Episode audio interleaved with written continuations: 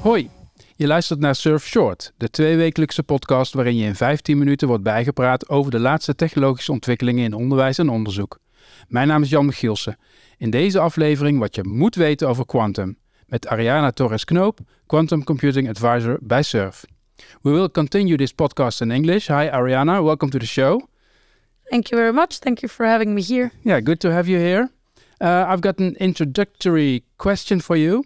When can we expect Q Day, the day that qu- quantum computing will be largely available to the public? Well, that's a very good question, and I think any person that knows about quantum computing is careful enough not to answer it. um, there is definitely a lot of expectations about it being available and being able to do some stuff in the next 10 years, but it's yeah, still very, very immature technology, so we shouldn't, you know, hype it or overhype it too much. All right, but still, we're going to talk about it. Uh, for starters, I know that quantum is notoriously difficult to explain, but can you give it a try? Well, I think uh, the, the most important part of quantum computers is that they work in a completely different way than classical computers. So, classical computers, uh, if we look deep, deep in the chip, in the hardware, they work with zeros and ones, so binaries, right? So, every value had zeros and one. We can build words with zeros and ones. We can operate on these words on numbers that are expressed as zeros and ones. Um, with quantum computers, you have an entire different paradigm because we're not talking about zeros and ones anymore, but we're talking about uh, the, the basic unit of quantum computing, which is called now not the bit, but the qubit, quantum bit. They can have values from zero to one. So that makes a completely different paradigm, so a different way in which you can operate, a different way in which you can store values, a different way that you have to access these values as well. And it relies on really the quantum mechanical properties um, of matter, so really, uh, qubits are normally very tiny systems that have quantum mechanical properties. Um, what are these quantum mechanical properties? Without going into details, normally we refer to three. So that's superposition, entanglement, and interference. Um, superposition has to do with this uh, ability to be in two states at the same time. So it's a typical example of the Schrödinger cat, right? That it can be dead or alive. And it's just when you see it that it takes a value. So that's what we mean with superposition, that it can be in, in a combination of states. Uh, with entanglement, maybe the easiest way to explain it is highly correlated states. So you can have two qubits, and uh, doing something to one has an effect on another, which classically this doesn't happen. These highly correlated states do not exist. Um, and interference has to do with the fact that if you think of now the values not as as let's say values but as waves, then you can really play with them. You can uh, have like destructive or constructive interference. Think of waves in water, right? So they can also add up or they can cancel each other. And so the way you manipulate the qubits has to do with this interference. So, uh, quantum computing uh, brings us a lot of uh, possibilities and, and computing power that we don't have right now. And of course, this will this will have an impact on our lives in the in the future. Um, and at Surf, we have recently taken a look at trends that are coming towards us in the Surf Tech Trend Report, on which you have contributed. Is is there one tech, a quantum tech trend that we have identified that you would say that's really going to have an impact on uh, education and and uh, research? Um, well, I think most of the tech uh, trends that we mentioned in the report, we do believe they will have an impact. Mm -hmm. It's just the when and how that is a bit unclear, uh, being honest. Uh, so, from the communication side, that's not my expertise, mm -hmm. but of Mm-hmm. course, there is a lot of uh, talk about cryptography, um, which has to do with um, security, with encryption, and so on. So, this could be very interesting for sure to uh, secure data, to make sure that, you know, everything in banks, but also in the educational systems is secure. And in that respect, you can use quantum communication to to secure the data, but you can also use the quantum computers in principle to break um, current uh, cybersecurity, right? So it's like a two two interesting aspects. One is the solution, the other one is the problem, right? Yeah, yeah, but that could be a risk. Yeah, Yeah, yeah, yeah. So I mean, I think why the governments, mostly governments, are investing still a lot in quantum is because they're really still afraid of the threat of quantum computing. Because if this happens, uh, currently there is a lot of um, security and a lot of encryption based on on a system that can be um, destroyed by quantum computers. So they're definitely afraid. Having said that, then you have quantum uh, key um, distribution or, or quantum cryptography that can really solve the problem, right? Because we can really come up with a way that, that is different to what we do nowadays, uh, that is not breakable by a quantum computer. So it's a problem and a solution at mm-hmm. the same time. So quantum cryptography is a security solution. Are there quantum t- trends that you have identified that directly impact research, for example? Yeah, I mean, I think in general, quantum computing is expected to benefit research, particularly researchers that make use of a lot of computational power. Um, maybe there the the two fields that are expected to benefit from it the most are chemistry and machine learning. And chemistry is still the killer app in quantum computing. The reason for that is that quantum computers are at the end quantum systems, and any molecule that we investigate is also a quantum system. So basically, these quantum computers can very easily mimic the, the molecules. So it's a quantum system and a quantum system. So you can use the quantum computers sort of like a puppet that you can manipulate and you can understand. So you can ask the puppet questions to get answers about the real system. That's a bit like uh, the killer app uh, that we're still looking for. Um, having said that, uh, we are not, you know, at the point that we can answer questions of molecules uh, like proteins or anything big latest papers are still, you know, a couple of atoms, so there are still a lot of limitations.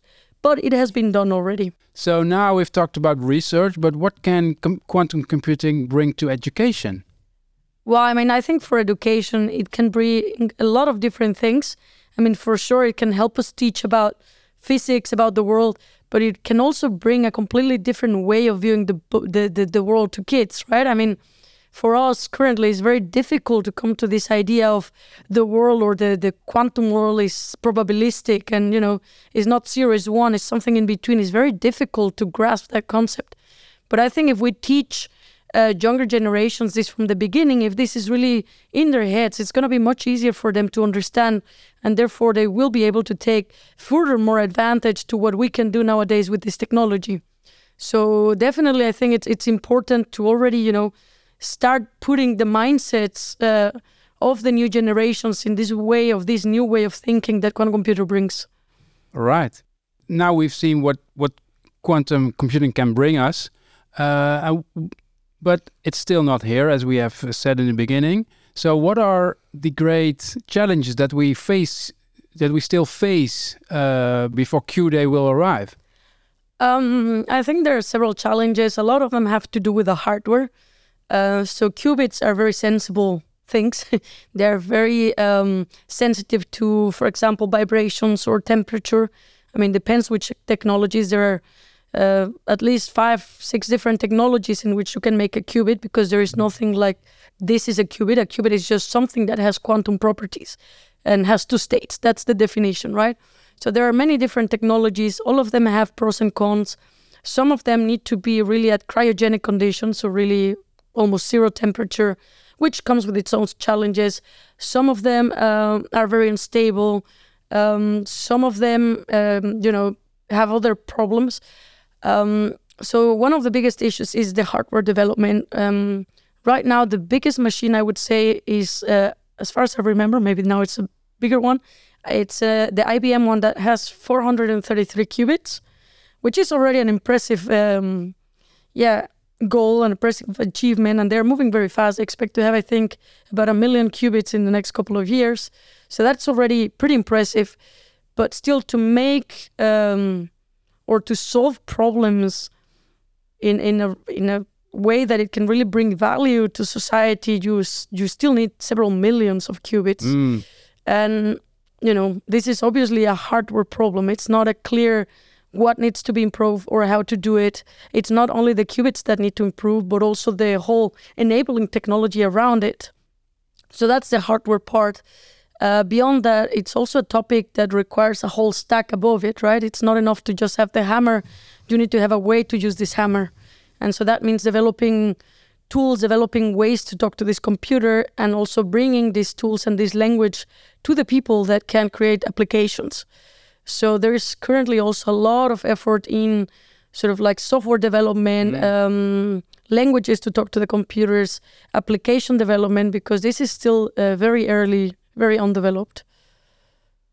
Wow, that's there's a lot of work to be done. Uh, but but so so now I understand better why Q Day is not tomorrow or the day after. But why is this a subject that we should follow uh, closely? Well, I mean, I think is one of those topics that you don't want to miss the boat on. Mhm. um, it's a very difficult topic. It's really um, it changes completely the way we think, the way we do things, and you know, if you suddenly have to jump into the topic once it's already shooting, I think it's going to be much difficult to catch up than to just slowly see what is in it for you, what is in it for us, and sort of try to find your place in this new ecosystem. I think trying to jump into that later on uh, will be much more expensive uh, from all perspectives, from an economical perspective, but also from a effort perspective, right? So I think slow steps, uh, steady steps, uh, understand where is it moving. Mhm. Um, it's definitely worth it because when it comes, it will come Yeah. fast and and big. Yeah. So that would be my recommendation. And uh, you are a, a quantum computing advisor at SURF, so I presume that uh, that SURF is doing work in the field, and I presume that uh, our member institutions are doing work uh, as well. So, can you tell me a, a little about that? What what are universities of, or maybe universities of, of applied sciences doing in quantum computing? Well, I mean, in the Netherlands, I have to say a lot. I think the Netherlands is one of the countries where um, most things are happening. I mean, it's quite a, a big place for quantum, Mhm. and there's a lot of effort to make the Netherlands also some sort of uh, quantum Silicon Valley. um, so universities, what they're what, what are they doing? Um, the UVA and CWI, so the Mathematical Institute, they're uh, very much focused, for example, in software development, algorithm development. Um, then you have QuTech, which has a lot of emphasis in more hardware development. So they uh, have experimental setups for different types of qubits. QuTech also has a lot of focus on quantum communication. Um, and they also have, um, for example, they have the first European cloud computing access, which is called Quantum Inspire. So that was really the first European cloud-based uh, quantum computer. Mhm. So that's pretty cool. Uh, other universities they're approaching more the application side. So you know, I have this problem. What can I do with quantum, or could quantum be a solution? So they are really more trying to explore specific bottlenecks and what does that mean? Uh, what quantum could do for them? Um, there's You're an advisor that helps them uh, finding a solution to their questions. Well, I think that would be our goal at the end, but it's still a, a, developing field, right? So we still don't know the answers to these questions. Um, I think at SURF, what we're trying to do with quantum are different things. So one is definitely figure out what our place is in this ecosystem, but also just uh, support the transition to such a technology when it comes, and that means providing, for example, environments for uh, developing and testing and exploring quantum technologies. So we give access to quantum computers in the cloud, but also we work into, for example, how to integrate quantum computers to HPC. Uh, we also want to, you know, figure out what the best way of moving applications from classical to quantum is, for which we work with a lot of the members. Just, you know, what algorithms could work, how do you integrate it, what do you do. Um, we also help developing tools in some cases. So we have been involved in developing simulators for quantum communication. And we also work a lot with QuTech in another simulator, which is behind Quantum Inspire. So, I mean, it's a little bit here and there, but Mhm. in general, we just want to support and stimulate quantum computing in the Netherlands, right? I mean, it's it's a young topic. It's not easy to pick up. Uh, I think a lot of people see a very big barrier to jump into it, and not everybody's willing to do it. So, you know, if we can somehow lower this barrier or bring people higher up in the barrier, then that would be great. Well, it seems like a great job you have, and it, it must be very rewarding when you help when you can help in member institutions to uh, to to make the next step in uh, quantum computing. Um, I've got one final question for you, Ariana.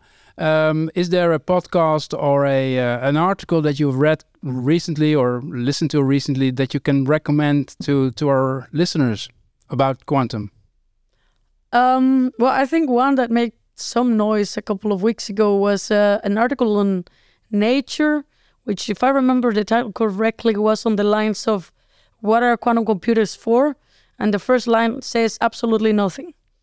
Uh, and I thought it was, I mean, it sounds funny, but I think it's a good article to be, you know, to, to, to put you in where we are, what is the realistic situation. Um, so it's important with these emerging topics, and especially topics so completely different like quantum computing, to also do a lot of um, expectation management. And I think it's going to be a great topic and we all expect it's going to revolutionize the world but that doesn't mean we don't have to be careful with it and if we don't want this uh, great bubble to explode and you know everything to go away we need to really be careful and i think this type of articles are very important to also you know communicate to the stakeholders to people that don't know what's going on in a more realistic way should we expect quantum computers tomorrow or the day after or what should i do so I think it's uh, that was definitely an interesting article, especially in Nature. yeah. All right. Thank you very much. We'll uh, we'll put the link to the to the article in the in the show notes. Um, Ariana, uh, I've learned a lot about quantum com computing and what we can do right now to make the next steps uh, into into the future regarding quantum. Uh, thank you very much for uh, for being here at the show. Thank you very much for inviting me, and till next time, hopefully. Hopefully so. Wil je meer weten over quantum? Kijk op surf.nl slash quantum of volg de tip van Ariane in de show notes. Dit is een productie van Surf, de samenwerkingsorganisatie op het gebied van digitalisering in onderwijs en onderzoek in Nederland. Deze podcast werd gemaakt door Marieke van Dijk, Sanne Koenen, Philip Stijn en Jan Michielsen.